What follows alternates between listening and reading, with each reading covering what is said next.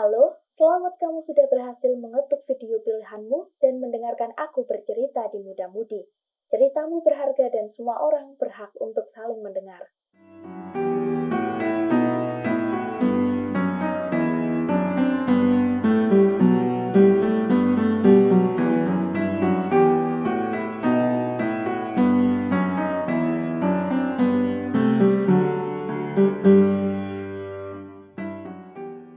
Semuanya, Bentala Agen Cerita datang untuk kalian.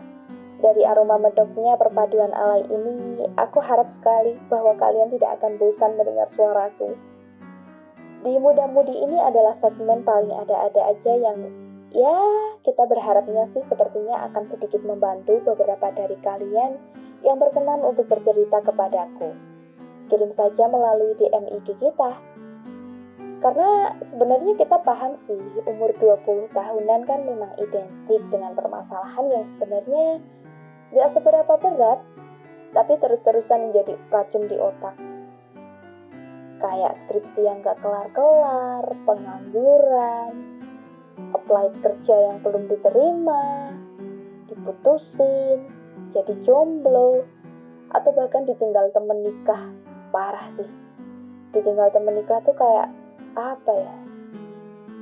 Kita tuh lagi asik-asiknya aja bergaul sama dia. Terus dia mutusin buat punya kehidupan baru dengan orang pilihannya. Eh, hancur tuh. Mana teman kita yang nikah tuh bener-bener kayak nggak mikir. Lagian juga nggak ada yang suruh nungguin nih. Aku juga lagi begitu, sibuk lihatin Iqbal di Youtube. Iqbal yang kata orang-orang dulu alay itu lihat karirnya yang cemerlang, public speakingnya yang bagus, punya pacar. Ini di otak makin bertanya-tanya, kok aku nggak bisa kayak dia ya? Dia bisa secemerlang itu loh karirnya. Dulu kan padahal kita tumbuh bareng. Dia di televisi nyanyi, aku lihat dia dari layar kaca. Dia sekarang main film, aku lihat filmnya di bioskop saling support kan? Ya tapi namanya juga live.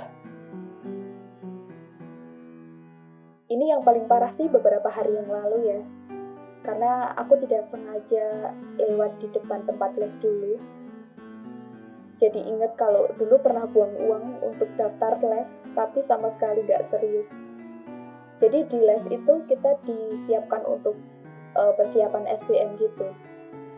Dan akhirnya nilai SPM jelek, aku nggak diterima di PTN yang aku pengen, dan ya rasanya sungguh berdosa sekali. Mana uang tabungan habis. Gila sih. Terus tiba-tiba aja kangen juga sama event organisasi. Dulu tuh benar-benar aktif banget sampai males buat pulang. Kita kumpul banyak orang di sekretariat ngomongin gimana agenda-agenda ke depan. Terus sampai nggak inget aja waktu kalau kita tuh juga punya rumah. Padahal rumahnya juga jauh dari sekolah. Emang masa muda tuh harus dinikmatin dan akhirnya nggak bisa keulang lagi. Dulu sih sudah berpikir kalau ya ini akhirnya aku nikmatin sih. Tapi sampai sekarang juga pengen kangen lagi, pengen balik ke masa itu lagi masa di mana dapetin uang kayaknya bukan jadi prioritas ya. Sekarang ke sini-kesini semakin mikir, ini kapan dapet uangnya?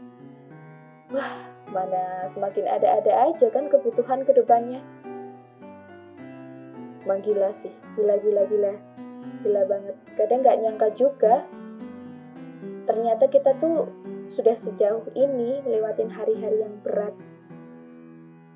Ini kok bisa ya, hari-hari yang berat itu akhirnya kita lewatin juga. Ranking yang gak bagus, remi di bahasa Arab, lulus dengan nilai yang buruk, bahkan sampai masuk universitas yang sama sekali gak ada di wishlist. Ternyata masalah-masalah yang dulu berasa menghadapi dengan lutut yang berdarah, nangis-nangis, sampai rasanya dunia tuh kayak mau hancur. Pas dilihat sekarang sama sekali gak ada apa-apanya, guys. kayak pengen aku kata-katain. Kenapa dulu cengeng banget pas tahu temen belajar bareng dan aku tidak diajak sama sekali. Masalah cemen dan remeh-temeh seperti itu yang aku galaukan. Dulu pas mengalami patah banget. Kayak deep banget. Berasa ada yang menusuk berdarah-darah deh. Terus merasa dicurangi. Entah sama siapa nggak tahu. Pokoknya kerasa kecurangin aja. Rasanya kayak ih ih sebel. Ya ternyata itu namanya pembelajaran hidup. Yang tanpa kisi-kisi, tanpa ulasan, juga tanpa remedi. Ternyata memang harus patah dulu biar tahu rasanya. Ternyata memang harus berdarah-darah dulu buat sembuhin segala lukanya.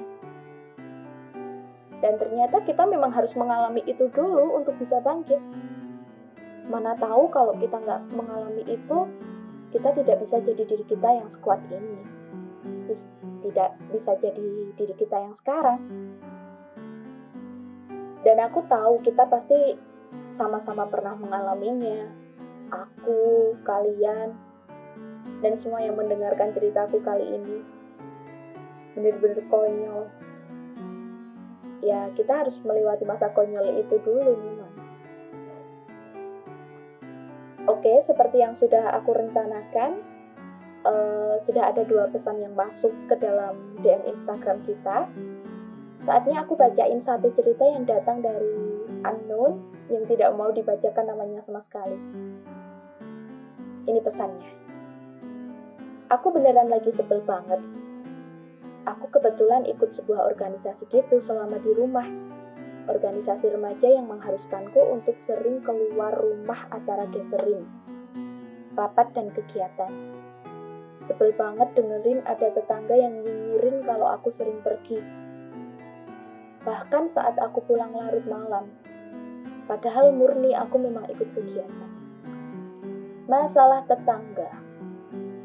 Menyikapi tetangga yang bawel bener-bener serba salah, aslinya. Kadang kita cerita yang sebenarnya dianya ngeyel. Dibiarin malah semakin parah bukannya malah capek sendiri. Kita cerita yang sebenarnya mereka bisa bilang aja kalau mereka tidak butuh kebenarannya. Padahal kita punya kesalahan seperti itu, mereka nyinyirin. Tapi dalam kasus ini sepertinya emang benar kata orang tentang kita nggak bisa kontrol apa yang sebenarnya kita nggak mampu menjangkaunya. Kata-kata yang klise ini kadang emang benar, termasuk sikap orang lain ke kita ya.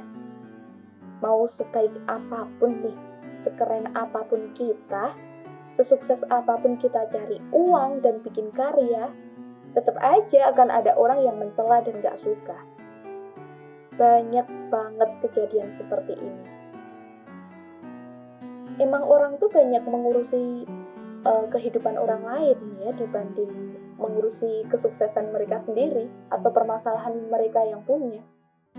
Bahkan ketika orang itu sendiri sama sekali tidak punya karya, aslinya orang ini tidak punya karya, tetapi malah sering kayak mencela karya orang lain atau mengurusi masalah orang lain.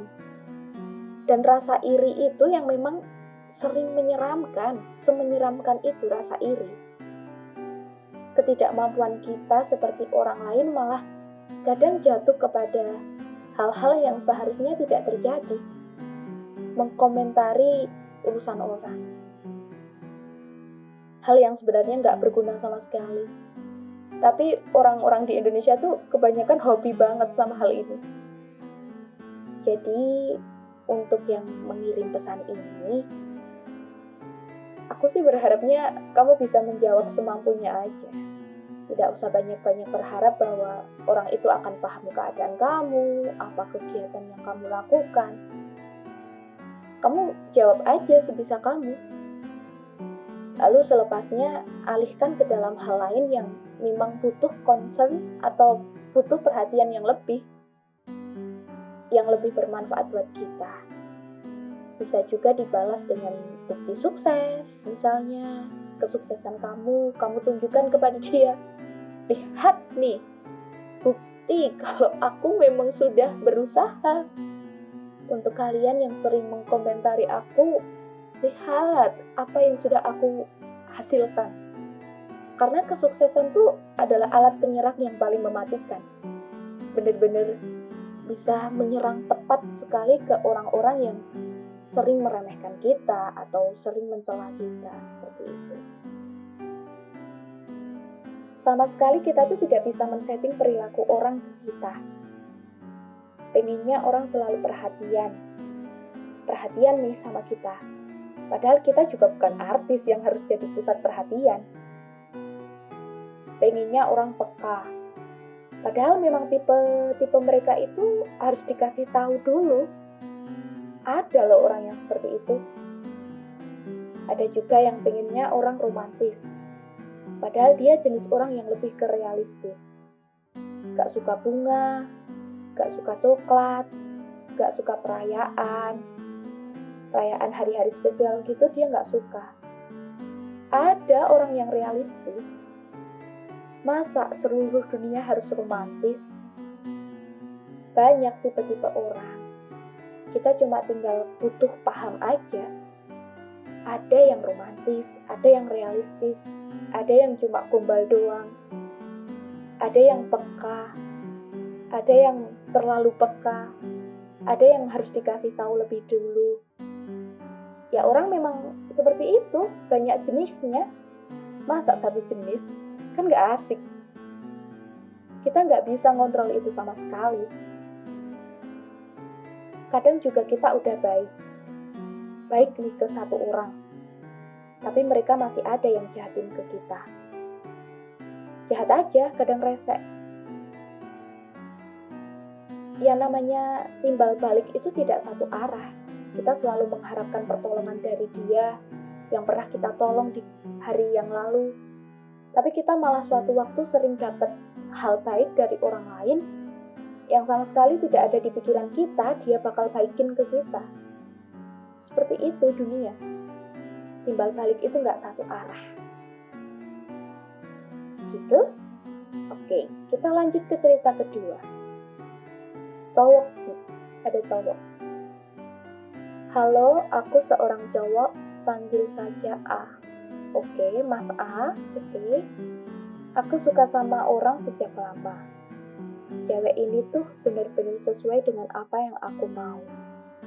Cantik, lemah lembut, tutur katanya baik, suaranya enak didengar. Wow, aku sering chatting, lama banget dia balesnya.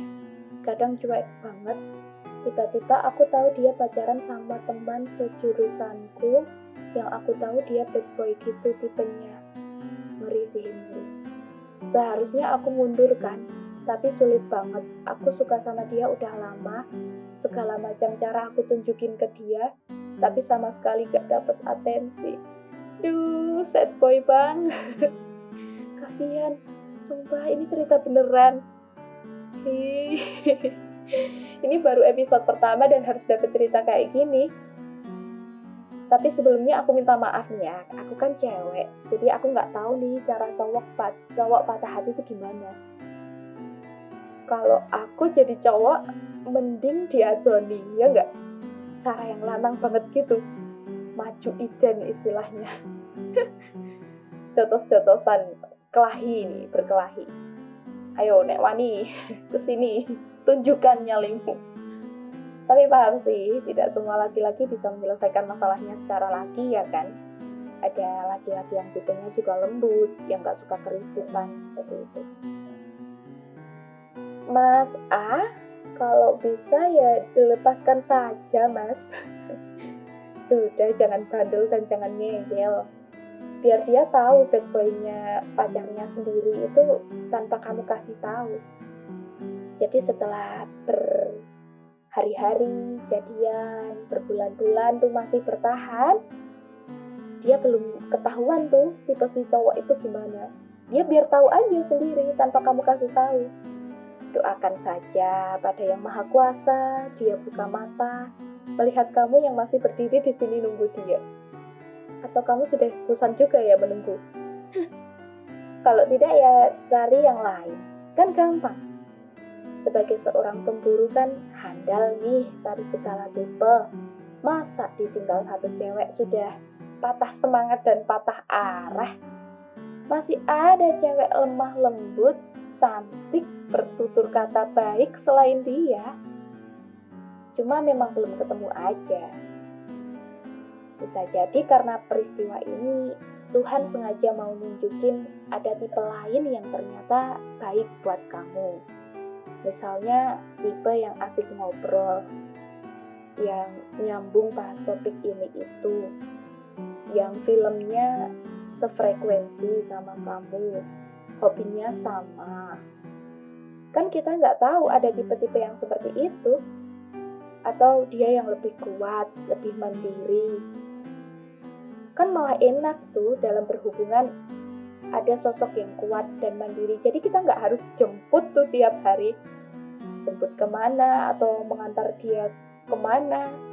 Kan nggak repot-repot. Siapa tahu Tuhan memang sengaja mau nunjukin itu. Kan baik menurut kita juga belum tentu baik menurut Tuhan. Jadi tunggu aja, nikmati lorone, rasakan itu pedih-pedihnya dihianati, menunggu chat yang terlalu lama tanpa balasan, menanti-nanti dia cinta sama kamu tapi akhirnya sama yang lain. Ya, sampai suatu waktu biar waktu yang menyembuhkan. Entar lama-lama juga kita lupa kalau kita pernah jatuh cinta sama dia. Lama-lama juga akan sembuh sendiri. Sambil disembuhin tetap sama usaha dan cepet ketemu ya enggak?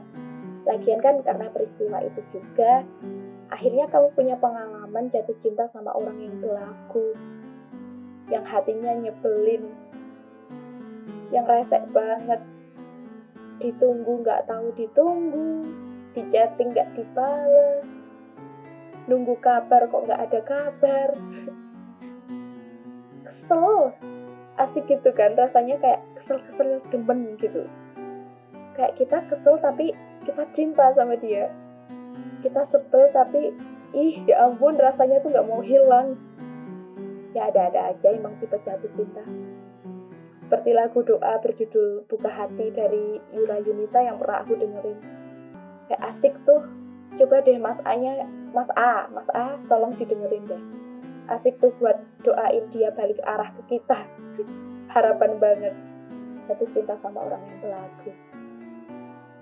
Gak kerasa udah terlalu lama aku membacakan beberapa cerita dari kalian sudah ada dua cerita yang masuk ke DM IG 20 Stars. Aku nggak nyangka juga ada yang mau mengirimkan dan aku berharap kalian mengirimkan juga. Karena aku ya ya walaupun aku tanggapi sebisaku dengan cara yang medok seperti ini, aku benar-benar menunggu cerita dari kalian yang lain.